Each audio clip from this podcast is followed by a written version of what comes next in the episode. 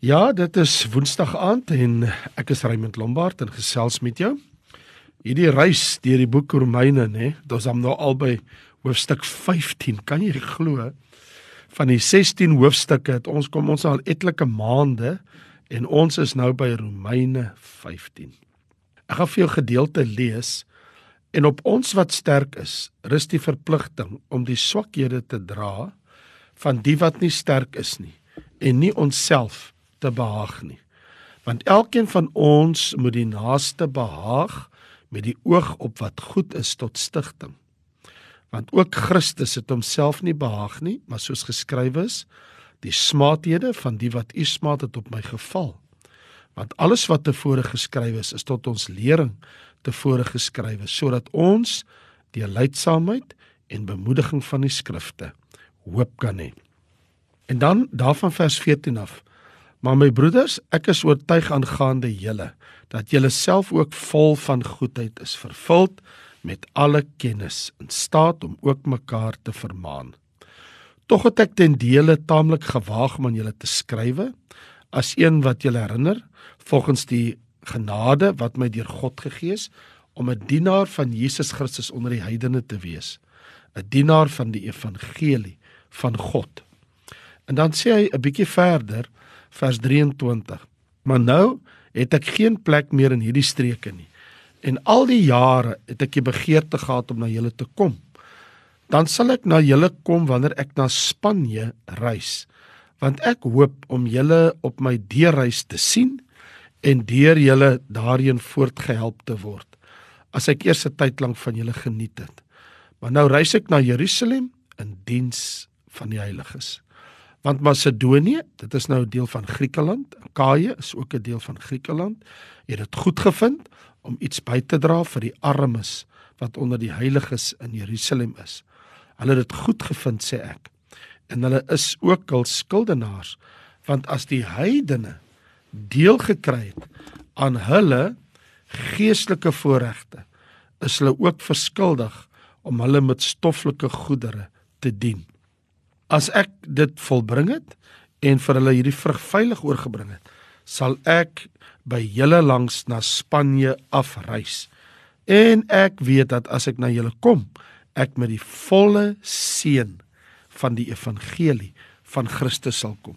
Nou jy wonder seker nou, maar waar gaan die Raymond Lombard nou heen met hierdie gedeelte wat hy gelees het? Kom ek nou vir jou verduidelik. Hierdie is die praktiese deel mos van die boek Romeine. Ons weet mos van hoofstuk 12, terwyl hoofstuk 16 is maar hoofsaaklik uh, die groot hoofstuk.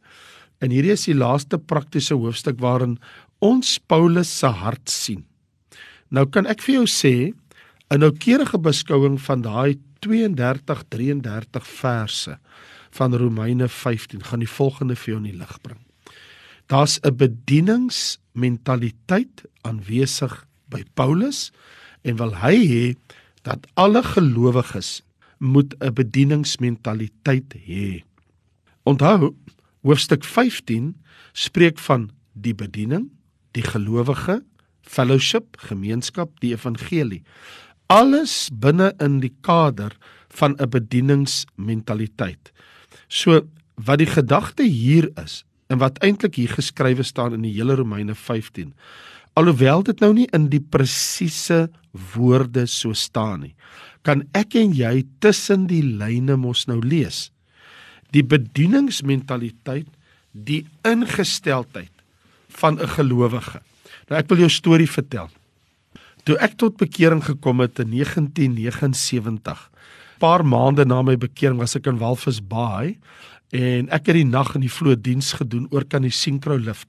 Nou as jy nie weet wat is 'n sinkrolift, 'n sinkrolift is 'n plek waar hulle 'n skip uit die uit die see uit ehm um, optrollie en dan word daai skip nou opgetrek droog op die land en dan word daai skip nou geskuur die onderkant en dan word dit nou geverf en weer mooi lyne gegee. So en dit is eintlik soos 'n herstelwerf vir skepe in 'n skeepswerf. En ek het um, daai tyd het ek pas tot bekering gekom en ek het hierdie russe onthou 1979 het ons moeilikheid gehad uh, met die Kubane en met die russe in Angola en ook in ander dele in Afrika. En ek het hierdie russe elke dag dopgehou deur my venster. En ek het besluit ek wil vir hulle die evangelie gaan preek. Nou ek weet van preek niks. Ek het nog nooit in my hele lewe preek gepreek nie. Ek het nog nooit vir iemand uit die Bybel uit 'n boodskap gebring nie. Maar ek het net hierdie absolute behoefte as 'n jong vlootsoldaat dat ek gaan hierdie evangelie van Jesus gaan ek aan die russe bring. Ek soek net 'n geleentheid om te preek en ek sal nooit vergeet. Ek vra daar vir iemand wat daar werk of ek die aand kan kom in my geradbraakte Engels vir hulle boodskap bring en hulle sê ja, jy kan maar kom. Maar hulle eet eers 7 uur en as hulle 8 uur klaar geëet het, dan kan ek nou vir hulle iets kom sê. En ek onthou toe ek so in daai skip se buik afstap, dis daai klomp rus en is net ek stoksiel alleen met 'n Bybel in my hand. Kyk hulle my so van die manne, het sulke groot messe, lyk soos daggers, sit hulle in die gang besig om hulle naels wat die vuil onder die naels, besig om so skoon te maak. Aan die ander kant sit een is besig om sy hare te sny, maar hulle eet soos 'n klomp diere. Hulle daai pap sop en brood en gaan deur die baard en ek dink ek dink Here wat het ek nou gedoen dis die wreedste mens wat ek in my lewe nog gesien het maar ek het daar afgehak en ek het my boodskap gebring wat ek in my hart gevoel het en toe ek klaar is maar hulle hulle hulle roer nie 'n oog nie Daar's nie 'n ja of 'n amen of 'n nee of 'n ja. Hulle sit net vir my so en kyk en ek dog wel hierdie ouens hulle dink seker vanaand slag hulle my ook. Toe ek aan die einde van my boodskap kom, toe sê ek Anybody here that wants to give his life to Jesus Christ? Geen antwoord nie, nie 'n dooie woord nie. En ek is like, okay, I didn't come to fight with you guys. I was just, you know, showing you that yes, Jesus loves you. En begin ek stadig agteruitloop, maar ek sê toe ek by daai menasie se deur uit is daar onder in die skipdek. Toe vat ek pad en ek het nooit weer teruggegaan nie.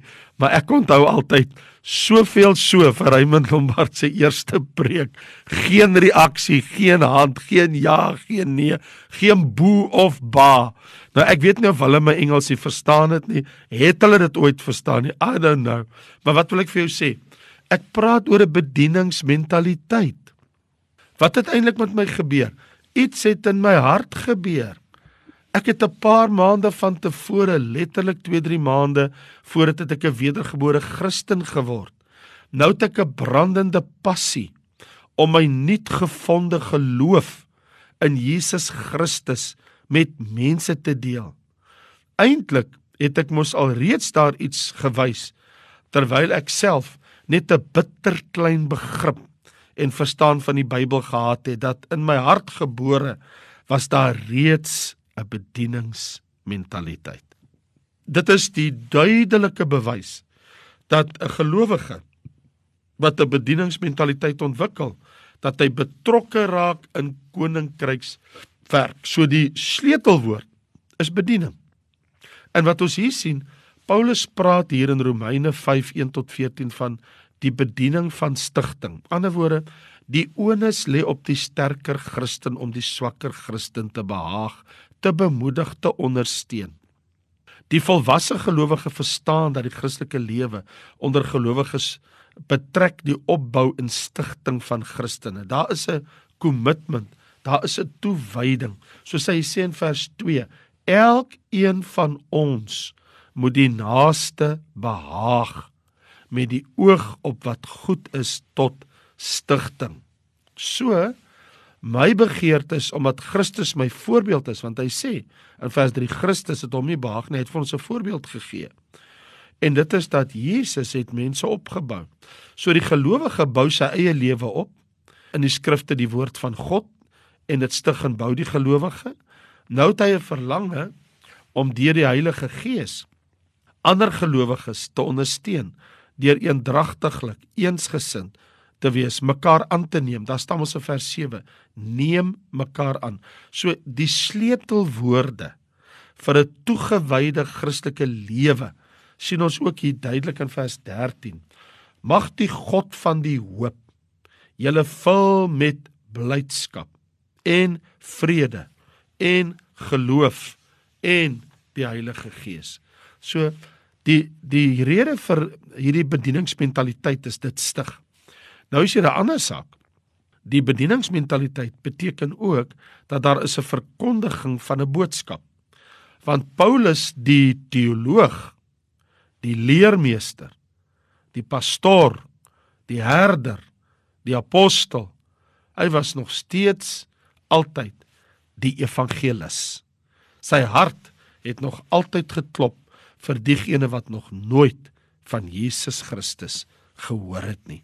Daarom sal ons sien in vers 16 dat ek het as 'n dienaar van Christus onder die heidene was ek 'n dienaar van die evangelie. Hy sê sodat ek die evangelie verkondiging vers 19 volbring het van Jerusalem tot by Irikulum en my eer daarin gestel het om Christus te verkondig sonder om te bou op die fundament van ander.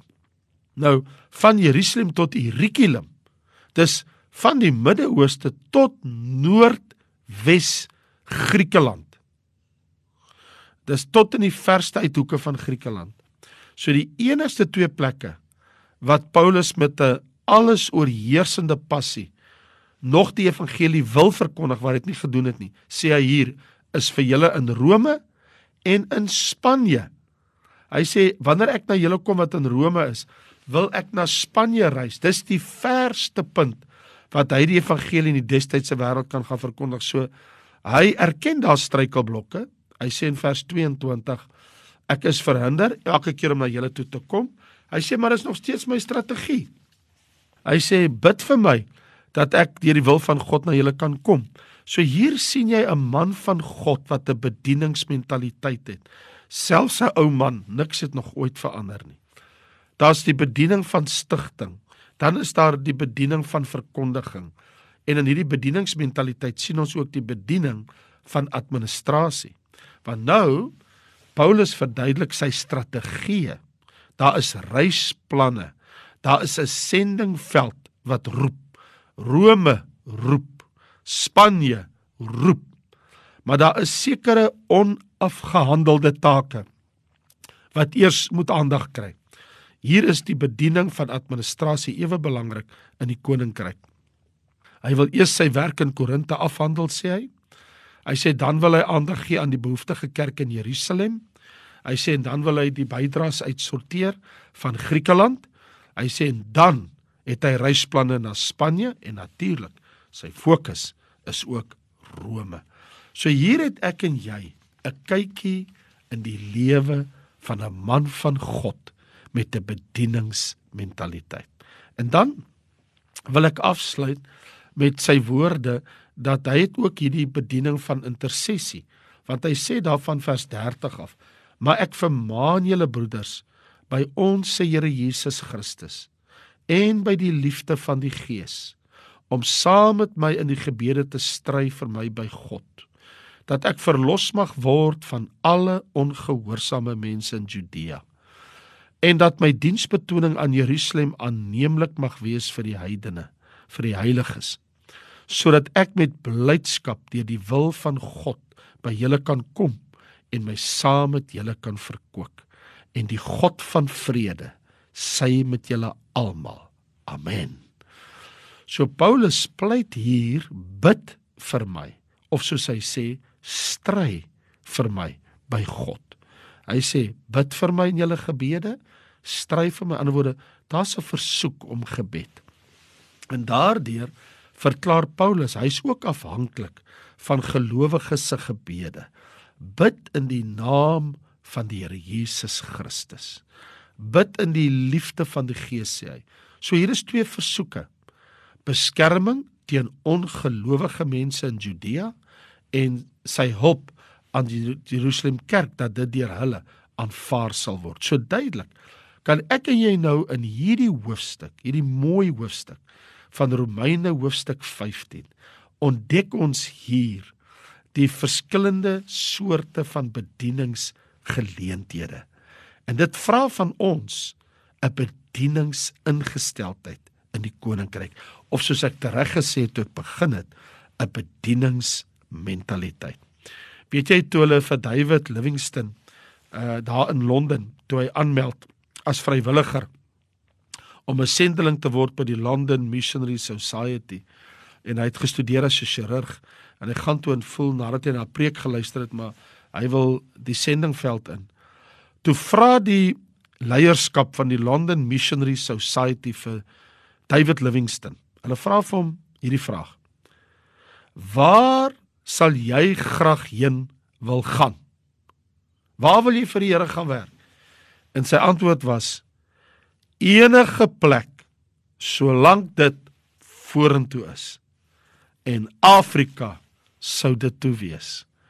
En die Here het hom kragtig gebruik op hierdie kosbare kontinent van Afrika. So mag die Here vir jou seën met 'n bedieningsmentaliteit dat jy jou hart daarop instel. Gaan lees weer Romeine 15 en vra die Here waar in die koninkryk wil hy jou graag gebruik wat jy vir hom kan beteken in die bediening van die Here in jou lewe. Kom ons bid saam. Onse Vader wat in die hemele woon, dankie dat U ons roep uit 'n donker, goddelose wêreld en ons oorplaas in die koninkryk van die seun van U liefde, in die koninkryk van lig. U het ons oorgebring uit die duisternis in die lig. En nou gee U ook aan elkeen van ons 'n bedieningsmentaliteit. Want U woord sê elkeen van ons moet die naaste behaag met die oog op wat goed is tot stigting. U woord sê ons het almal 'n plek in die liggaam van Christus. Vader, ek wil bid dat daar 'n bedieningsmentaliteit in elkeen van ons sal ontwaak, sal wakker word. Dat ons elke geleentheid sal gebruik en benut ten beste om Jesus Christus en sy woord aan mense voor te hou. Here, gebruik ook vir ons tot u eer en ter wille van u seun sy naam, sy heerlikheid, sy woord en sy evangelie. Dit bid ons in Jesus kosbare naam. Amen.